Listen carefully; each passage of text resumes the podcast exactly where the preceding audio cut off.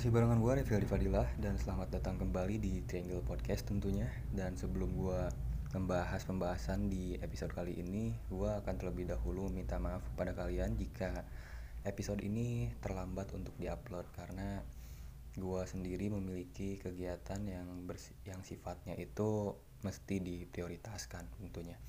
Dan sekarang di episode ini gue memiliki cerita horor nih uh, kiriman pendengar di podcast ini tentunya yang di mana di cerita ini dia sedang berlibur di sebuah villa di Lembang di kota Bandung yang di mana dia mengalami hal-hal aneh atau hal-hal gaib ketika dia berada di villa tersebut. Dan mungkin nih untuk kalian yang waktu kemarin-kemarin sedang berlibur apa kalian mengalami hal yang sama dan jika kalian tertarik nih untuk berbagi pengalaman horornya kalian bisa kirimin aja ke alamat email trianglepodcast17@gmail.com dengan format teks ataupun audio yang nantinya bakal gue upload di cerita selanjutnya tentunya. Dan tanpa berlama-lama lagi mari kita masuk ke pembahasannya. Selamat mendengarkan. Berlibur uh, bersama teman-teman atau sahabat-sahabat kalian mungkin itu bisa menjadi momen yang indah yang tidak akan pernah terlupakan. Tapi kadang bisa berubah jadi menyeramkan karena kita berada di tempat dan waktu yang mungkin salah. Seperti halnya cerita yang bakal gua bacain ini yang dia mengalami hal horor di sebuah uh, villa di Lembang di kota Bandung. Di sini dia menceritakan uh, pengalamannya yang di mana dia bernama Nisa dan dia akan bercerita tentang pengalaman seramnya yang dialami pada tahun 2019. Bersama empat sahabat kampus, dia pun berlibur menghabiskan libur akhir pekan panjang di kota Bandung. Tentunya waktu itu mereka masih kuliah tingkat akhir. Sama seperti anak-anak muda kebanyakan lainnya, dia, Hani, Putri, dan Danang, dan Dimas juga memiliki rencana untuk menginap di kota Kembang dengan mencari rumah atau villa. Bukan hotel per kamar, jadi bisa lebih leluasa untuk melakukan kehebohan tanpa harus khawatir mengganggu orang lain. Nah singkatnya, atas rekomendasi teman dari ayahnya Danang, kami memutuskan untuk menyewa satu villa besar yang bertingkat di daerah Lembang di kota Bandung.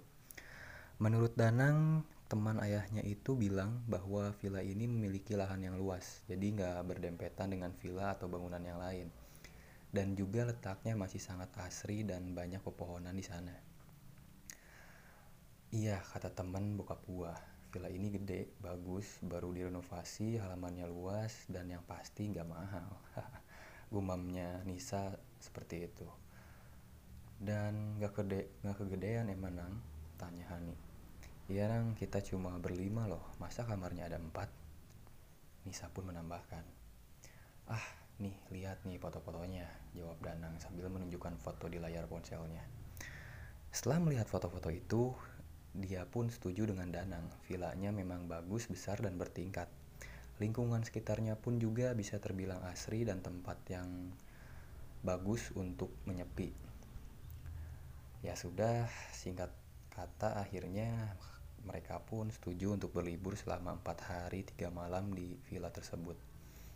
Menggunakan mobil Dimas, kami berangkat Kamis jam 10 pagi menuju Bandung.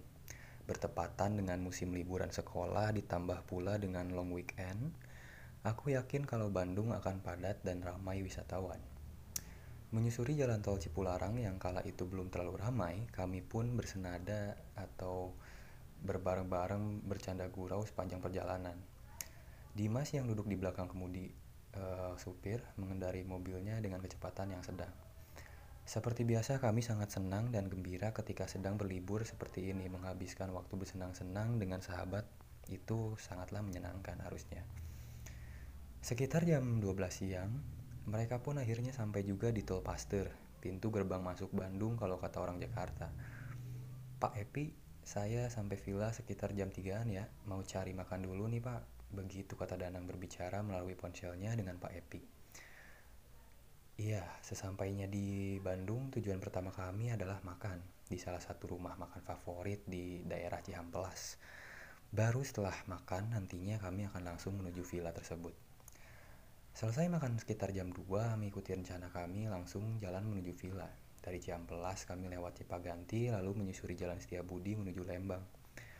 Sesampainya di ujung Setiabudi, tepatnya di depan terminal, Dimas pun membelokkan kendaraannya ke kiri, masuk ke jalan Sersan Bajuri, dan Nisa pun bertanya, kenapa nggak lurus aja mas? Enakan lewat sini, nggak macet pemandangannya, dan juga lebih asik, kata Dimas. Ya sudah, kami pun uh, nurut aja, toh memang Dimas masih banyak keluarga yang tinggal di kota Bandung, jadi dia lebih tahu situasinya. Benar kata Dimas, Sersan Bajuri itu lebih lengang dan pemandangannya pun lebih enak dipandang mata. Warna-warni bunga menghiasi sisi jalan yang dilewati, beberapa tempat wisata juga ada yang berada di daerah ini, walaupun lebih jauh dari berputar, tapi ya tidak apa-apalah. Mungkin karena sudah agak lelah setelah menempuh perjalanan dari Jakarta, saat kami lebih banyak diam menikmati sejuknya udara dan pemandangan di ujung jalan di atas nanti, jalan yang kami lalui ini akhirnya akan bertemu juga dengan jalan raya Lembang. Nah, menurut Danang, lokasi villanya nggak jauh dari pertigaan jalan raya Lembang ini, sekitar 15 menitan lah kurang lebih. Kalau dari petunjuk jalan yang dikasih tahu Pak Epi di depan pintu itu kita belok kanan mas, kata Danang bilangnya begitu ke Dimas. Yakin ya? Yakin, jawab Danang. Ah, akhirnya sebentar lagi sampai aku pun, dia pun maksudnya sudah nggak tahan pengen rebahan, capek juga duduk dari tadi. Dari belokan yang Dimas maksud tadi, mereka pun masuki jalan mengecil namun masih bagus untuk dilewati. Jendela kami buka ber, Eh, kami buka lebar-lebar, membiarkan angin sejuk masuk dan terhirup. Asik banget ya suasananya. Putri yang dari awal lebih banyak diam akhirnya bersuara.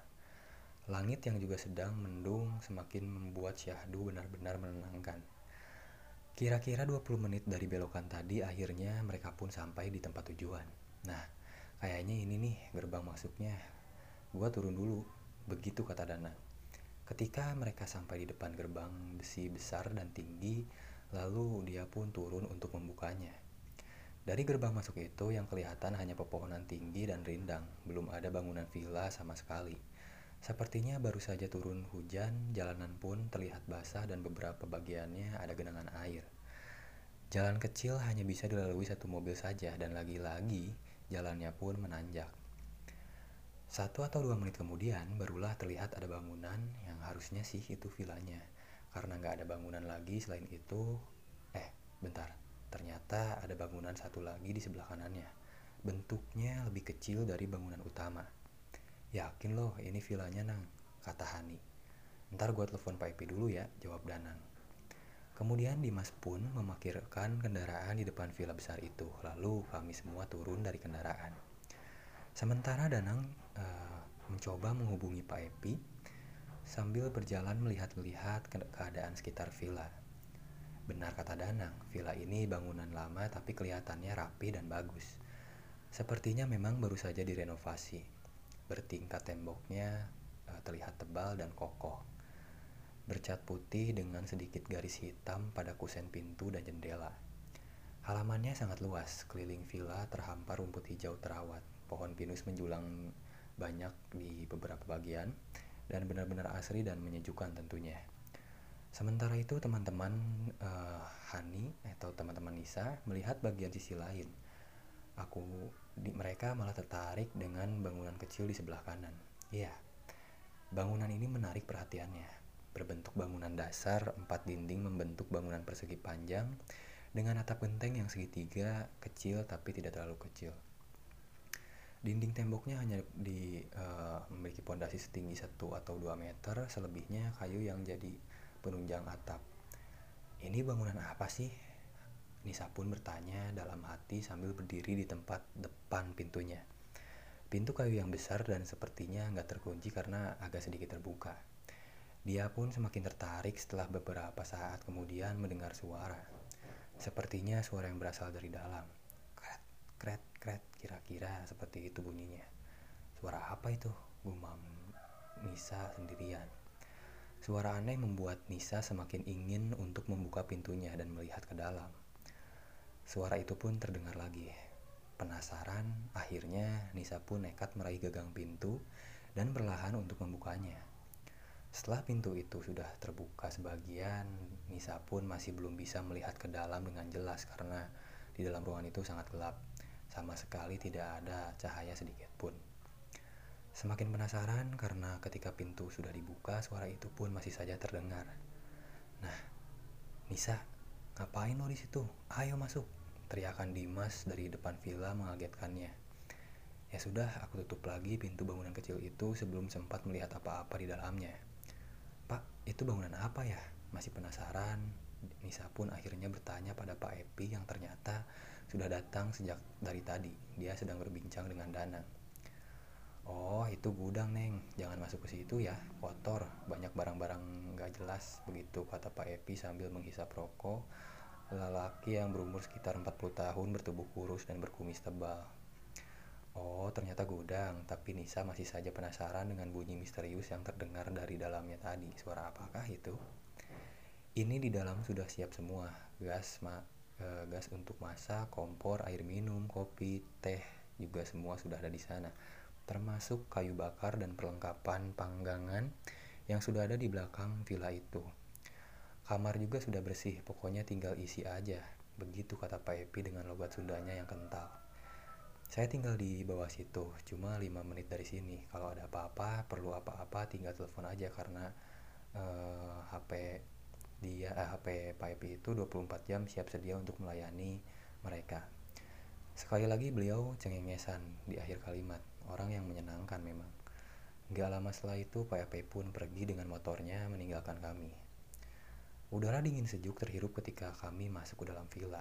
Bangunan yang sangat bersih, lantai terbuat dari keramik berwarna gelap, khas bangunan zaman dahulu, dinding tebal didominasi oleh cat berwarna putih bersih. Kami pun langsung menemui ruang tengah. Dengan sofa kulit besar dan meja di tengahnya,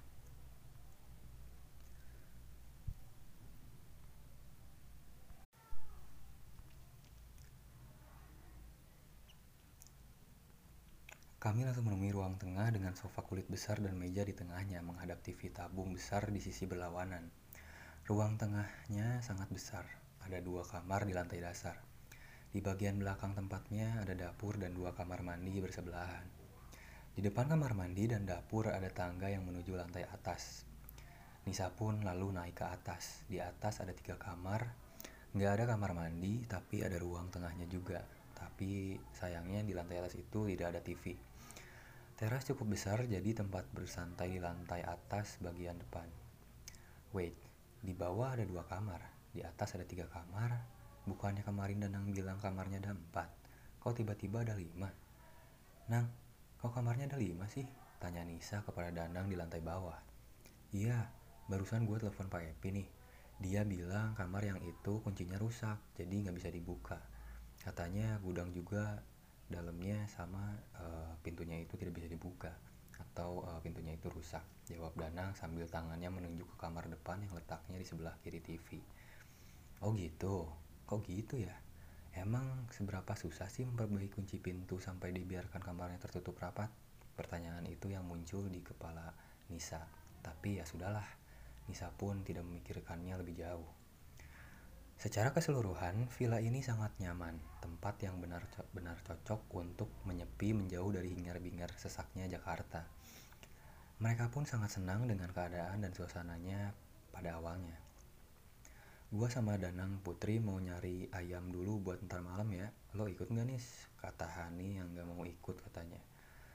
Sekitar jam setengah lima Dimas bilang begitu. Mereka bertiga mau ke pasar Lembang. Enggak, Gua mau di sini aja, jawab Nisa. Ya udah, akhirnya mereka pun bertiga berangkat menggunakan mobil. Tapi sebelum berangkat Hani bilang kalau dia mau nebeng sampai ke toko yang letaknya nggak jauh dari villa. Dia mau membeli minuman dan makanan kecil dan Hani juga bilang dia akan kembali ke villanya jalan kaki aja, nggak jauh juga katanya. Akhirnya aku sendirian di villa pada sore itu. Sendirian? Masa sih? Setelah keempat sahabatnya pergi, dia pun bersantai di depan TV sambil menunggu Hani pulang. Harusnya si Hani gak lama, karena kalau nggak salah toko yang dia tuju nggak terlalu jauh dari villa itu. Sekitar 20 menit kemudian, aku mendadak pingin buang air kecil. Kebiasaan di tempat dingin, de, Nisa sering buang air kecil, dan ya begitulah kebiasaannya. Ya sudah, aku lalu berjalan menuju kamar mandi yang letaknya di belakang. Sepertinya Nisa bilang di awal tadi ada dua kamar mandi yang letaknya bersebelahan persis. Kamar mandi berpintu tebal, di dalamnya masih menggunakan bak air besar walaupun sudah ada air mancur yang panas. Nisa pun masuk ke kamar mandi setelah uh, sebelah kanan lalu melaksanakan niatnya. Ternyata setelah Nisa perhatikan di dalam kamar mandi ada lubang kecil pada bagian atas dindingnya. Lubang ini sepertinya terhubung dengan kamar mandi sebelah, jadi harusnya kalau ada aktivitas di kamar mandi sebelah akan kedengaran oleh Nisa. Benar saja, tiba-tiba Nisa mendengar suara pintu terbuka kemudian menutup dari sebelah. Sepertinya itu Hani, aku yakin itu, karena memang harusnya dia sudah kembali di villa lagi. Han, langsung ke kamar mandi aja loh, kebelet ya? Hehehe, tanya Nisa. Iya, Hani menjawab dari sebelah dengan logat Sunda. Logat Sunda? Hani kan orang Jawa, sama sekali nggak bisa berlogat Sunda. Alah, baru beberapa jam di Bandung aja udah Sunda logat lohan, lebay ah. Nisa bilang begitu masih di dalam kamar mandi. Iya, hihihi. Hani menjawab begitu pelan sambil cekikikan. Dasar Hani, begitu gumamku dalam hati. Setelah selesai, uh, Nisa pun keluar dan bermaksud kembali ke ruang tengah. Tapi ketika sedang di depan kamar mandi, Nisa melihat kalau pintu kamar mandi sebelah dalam keadaan terbuka dan dalamnya kosong. Hani ke mana? Kok nggak ketahuan keluarnya? Dia pikir juga mungkin Hani sudah masuk ke kamar atas. Gak pikir macam-macam, dia pun lalu menuju ruang tengah sambil bersantai di depan TV. Ketika sedang asik-asiknya bersantai, tiba-tiba Hani muncul dari pintu depan membawa ser serta banyak belanjaan di kedua tangannya. Aduh, ternyata tokonya gak jauh ya, capek juga gue jalan kaki, mana nanjak. Begitu kalimat pertama yang muncul dari mulutnya Hani, lalu dia merebahkan tubuhnya di sofa. Han, lo baru datang emang? Beneran baru datang? Tanya Nisa yang sangat penasaran. Lah iya, emang kenapa? Kok kaget? Ngeliat gua tuh kayak ngeliat setan aja loh, jawab Hani. Lu gak bercanda kan? Gak lagi ngerjain gua? Tanya Nisa sekali lagi. Enggak Nisa, ini keringetan gua masih bercucur kayak habis hiking. Ada apa sih emangnya? Gak ada apa-apa, jawabnya Nisa pendek. Kalau Hani baru aja datang, lalu siapa tadi ada di kamar mandi sebelah? Singkat cerita, malam pun tiba. Sekitar jam 7, Dimas, Danang, dan Putri akhirnya kembali ke rumah dengan semua keperluan kami. Nisa yang sore tadi baru saja mengalami kejadian janggal sudah bisa sedikit tenang dan agak melupakan ketika semua akhirnya berkumpul. Di malam pertama, kami menghabiskan dengan berbarbecue di teras atas, berbincang senda gurau sambil menikmati dinginnya malam. Oh ya, dari teras atas ini kami bisa menikmati juga city light yang menjadi pemandangan indah. Sungguh saat-saat yang menyenangkan memang. Hmm, seperti yang dia bilang tadi, uh, dia menjadi sering ingin buang air kecil kalau sedang berada di udara dingin. Sekitar jam 9, hasrat itu pun muncul lagi dan dia pun ingin ke kamar mandi lagi untuk membuang air kecil. Gue ke bawah dulu ya, kebelet lagi nih, bilangnya Hani seperti itu. Ah, beser lo nis, kalau di Bandung perlu ditemenin gak? Kata Dimas. Gak perlu, sebentar kok, jawabnya. Lalu Nisa pun bergegas ke bawah sementara empat temannya tetap di teras atas. Sesampainya di bawah, keadaan terang benderang karena memang kami biarkan lampu menyala semua termasuk dua kamar mandi dan dapur. Dia pun mencoba berjalan dengan santai tanpa beban karena tiba-tiba teringat dengan peristiwa sore tadi. Akhirnya memutuskan untuk buru-buru melangkah agar cepat sampai ke kamar mandi. Dia pun memilih kamar mandi yang sebelah kanan lagi. Sebelum masuk, dia melihat kalau kamar mandi sebelah kiri pintunya dalam keadaan terbuka. Sesampainya di dalam uh, sana, Nisa pun langsung buang air kecil. Dalam keparnoan yang mulai muncul lagi, dia pun semakin was-was ketika terdengar kalau pintu kamar mandi sebelah seperti ada yang menutupnya. Iya, pintunya tertutup. Awalnya Nisa diam sambil terus menjamkan menajamkan pendengarannya tapi tidak ada suara apa-apa lagi. Penasaran? Put? Hani? Lu ya? Jangan bercanda deh kalian. Begitu ucap Nisa. Tidak ada jawaban setelah itu, tapi beberapa detik kemudian baru terdengar suara Nisa. Begitu suaranya, ada yang memanggil namaku dari dalam kamar mandi sebelah. Suaranya jelas terdengar diakhiri dengan suara tawa tertahan. Sontak aku lang, dia pun langsung keluar kamar mandi lalu lari menuju lantai atas tanpa sedikit pun melihat ke belakang. Kenapa muka lu begitu nih? Tanya Putri sesampainya di teras atas. Hmm, ada yang aneh di villa ini, jawabnya pelan. Aneh gimana? Tanya Danang yang ikut penasaran. Lalu Nisa pun menceritakan kepada mereka semua tentang kejadian yang baru saja dia alami dan sore tadi. Mungkin nggak sih kalau itu cuma perasaan lo doang nih, Hani coba untuk mencari celah logika. Enggak, gue yakin gue dengar suara itu jelas banget. Aku bersikukuh, eh sini saya itu bersikukuh uh, untuk menjelaskan bahwa hal yang tadi dialami itu benar-benar dialami. Jadi tolong malam ini kita tidur bareng-bareng aja ya, gue takut. Mereka setuju supaya Nisa merasa tenang. Akhirnya sekitar jam 11 acara berbincang pun selesai lalu kami masuk ke dalam kamar karena udara juga sudah semakin dingin menusuk kepada tulang. Benar, akhirnya mereka pun tertidur bersama di dalam satu kamar. Tetapi ketika pertama kali masuk kamar, hanya aku, Putri, dan Hani, sementara Dimas dan Danang masih ingin menonton TV di bawah. Mungkin karena sudah lelahnya badan ini, Nisa pun jadi nggak kesulitan untuk tidur. Ketika sudah bertemu bantal dan berselimut, dia pun langsung terlelap. Tapi hanya sebentar, sekitar saat jam 1 dini hari, Nisa pun terbangun karena tiba-tiba ingin pipis. Posisi tidur mereka bertiga berjajar di atas tempat tidur yang sangat besar.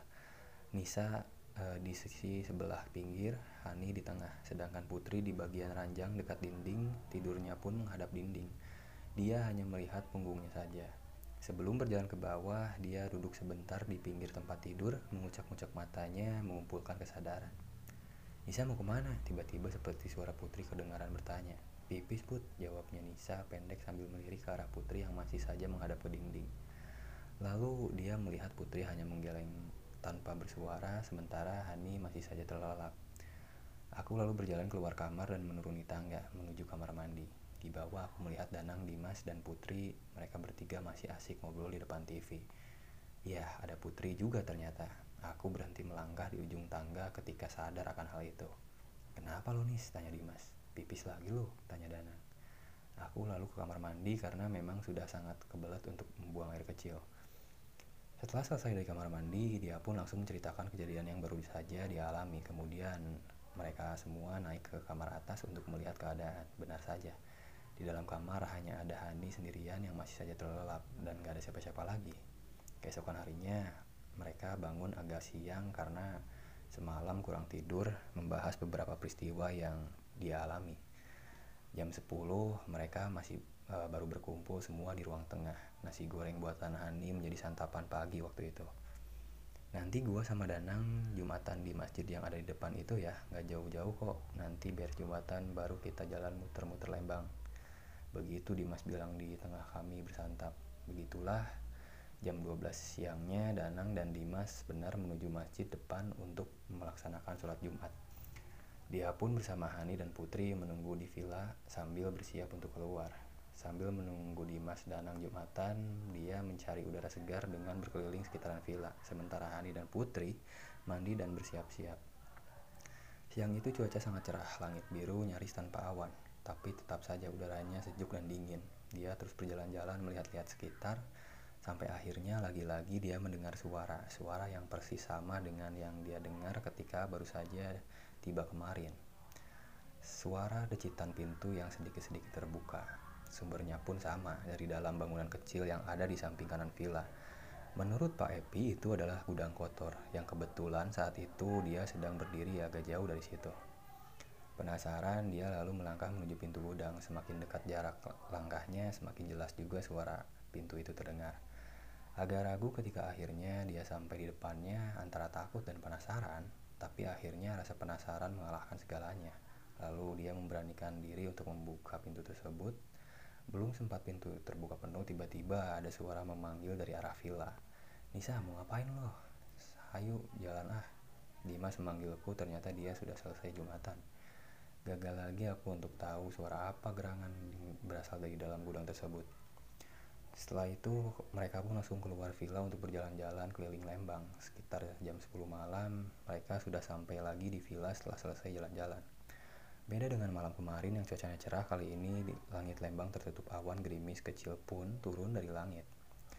Di dalam villa, mereka bergantian mandi membersihkan diri, setelah itu berkumpul lagi di ruang tengah untuk berbincang dan bersenda gurau. mereka pun mencoba untuk melupakan semua peristiwa seram yang dia alami kemarin. Singkat cerita, sekitar jam 12 malam mereka masuk kamar atas berlima tidur dalam satu kamar. Semuanya berjalan normal, tidak ada hal uh, aneh setelah masuk kamar. Pun mereka semua langsung terlelap dalam mimpi masing-masing. Semuanya normal. Tapi hanya beberapa jam saja karena sekitar jam 2 ada kehebohan di dalam kamar. Aku jadi kaget terbangun. Nisa, ayo cepetan beresin barang-barang lo. Kita pergi dari villa ini sekarang juga. Begitu kata Dimas agak panik dan heboh. Ada apa mas? Yang lain pada ke mana? Tanya dia yang jadi ikutan panik. Nanti aja ceritanya, buruan. Beresin barang-barang lo. Yang lain udah pada di bawah, udah siap pergi semua. Lanjut Dimas. Ya udah, aku dia pun nurut eh, lalu membereskan semua barang-barangnya setelah mereka langsung ke bawah. Benar saja, uh, sudah ada Hani Putri dan Danang di bawah Wajah Hani pun terlihat pucat dengan mimik uh, yang menakutkan, begitu juga dengan Putri. Ada apa sih ini? Tanyanya semakin panik. Nanti aja nih, di jalan ceritanya, ayo berangkat, jawab Danang. Lalu pada jam 2 pagi itu, kami pergi meninggalkan villa menuju kota Bandung untuk mencari hotel dan kami pun pindah penginapan. Ada apa sih? Kalian cerita dong di dalam mobil, dalam perjalanan sekali lagi dia bertanya. Jadi ternyata jam ya, sekitar jam satu malam waktu itu Hani dan Putri mengalami kejadian yang sangat menyeramkan. Sambil ber, bercerita terbata-bata dan menahan tangis, keduanya akhirnya bisa mulai cerita. Jadi setelah kami mas setelah mereka masuk kamar kemudian terlelap sekitar jam satu Hani terbangun. Dia terbangun karena mendengar suara yang samar namun masih jelas. Seperti suara pintu yang dibuka perlahan-lahan, suara yang persis sama dengan yang dia dengar beberapa kali sebelumnya. Hani penasaran. Dia bangun dari tidurnya lalu duduk di atas tempat tidur menajamkan pendengarannya. Benar saja dia yakin kalau mendengar suara itu dan yakin juga kalau suaranya berasal dari gudang di sebelah villa. Han lu dengar juga tiba-tiba putri yang tidur di sebelah bilang begitu. Iya put, gue dengar. Itu suara apa ya? Jawab Han. Udah tidur aja, abaikan. Gak, us gak, gak bisa put. Suaranya ganggu banget. Penasaran juga gue. Terus lu maunya apa? Nyamperin itu suara. Iya put. Anterin yuk penasaran gua. Ah gua takut ah. Ayolah put. Takut ada apa-apa. Akhirnya entah apa yang ada di pikiran putri akhirnya dia menuruti permintaan Hani. Kemudian mereka turun lalu keluar villa menuju asal suara yaitu gudang di sebelah villa itu. Hanya berbekal cahaya lampu senter dari ponsel, perlahan mereka menembus gelap berjalan di atas rumput basah sisa-sisa hujan. Sementara suara itu semakin jelas terdengar seiring dengan semakin dekatnya jarak gudang. Terus terdengar sampai akhirnya mereka berdua sampai juga di depan pintu gudang. Gudang dalam keadaan gelap total, tidak ada cahaya sama sekali. Lagi-lagi hanya cahaya senter ponsel yang membantu penglihatan. Akhirnya Hani memberanikan diri untuk meraih gagang pintu itu untuk masuk membukanya. Perlahan tapi pasti, pintu tersebut akhirnya terbuka lebar. Isi gudang masih gelap sama sekali tidak terlihat apa-apa karena Hani dan Putri belum menyorot cahaya ponselnya ke dalam, tapi suara uh, aneh itu tetap terdengar. Sampai akhirnya mengarahkan cahaya senter ponsel ke dalam, baru saat itulah mereka bisa melihat semuanya, bisa melihat sumber suara misterius itu berada. Persis di tengah gudang ada perempuan yang menggantung dengan tali di lehernya tubuhnya berayun ke depan dan ke belakang. Ada perempuan yang berposisi gantung diri. Suara itu ternyata berasal dari gesekan tali tambang yang terikat pada palang kayu di atap gudang. Tali leher ujung satu laginya melilit di leher perempuan dan berayun di bawahnya. Sontak mereka pun langsung menjerit ketakutan dan berlari masuk ke villa sambil menangis. Dimas yang pertama kali e, ditemui langsung mereka ceritakan e, kejadian yang menyeramkan tadi yang baru saja dialami. Dimas pun yang pemberani kemudian melangkah menuju gudang tanpa ragu untuk memeriksanya apakah benar ada orang gantung diri di gudang tersebut. Dimas pun ingin memastikan itu. Ternyata Dimas tidak menemukan apa-apa di tempat tersebut. Makanya setelah itu mereka pun langsung membangunkan Nisa yang masih tertidur di kamar atas. Itulah alasannya kenapa mereka memaksakan diri untuk meninggalkan villa pada saat itu juga ya cerita itu pun berakhir sampai di situ dan cerita ini uh, cukup panjang ya tentunya. Dan cerita ini juga uh, berkesan sangat menyeramkan tentunya ketika bayangkan aja ketika kalian berlibur di sebuah tempat yang kalian tuju uh, kalian malah menemukan hal yang seperti itu. Jadi uh, menurut gua di mana pun kalian berada ada baiknya kalian untuk uh, selalu ingat kepada Allah Subhanahu Wa Taala dan berdoa. Dan selain itu kalian pun juga wajib untuk selalu melaksanakan ibadah di mana pun kalian berada gitu. Dan untuk episode selanjutnya seperti biasa gue akan bahas eh, hal-hal uh, yang berbau misteri atau cerita horor. Dan anyway sebelum gue menutup episode ini gue ingin ucapkan pada kalian uh, selamat tahun baru 2022 Mohon maaf jika podcast ini baru memulai lagi upload di tahun baru ini dikarenakan gue ada kegiatan yang mesti gue prioritaskan tentunya. Dan mungkin terakhir nama gue Revi Aldi Fadila sampai bertemu lagi di kesempatan yang selanjutnya. Goodbye listeners. thank you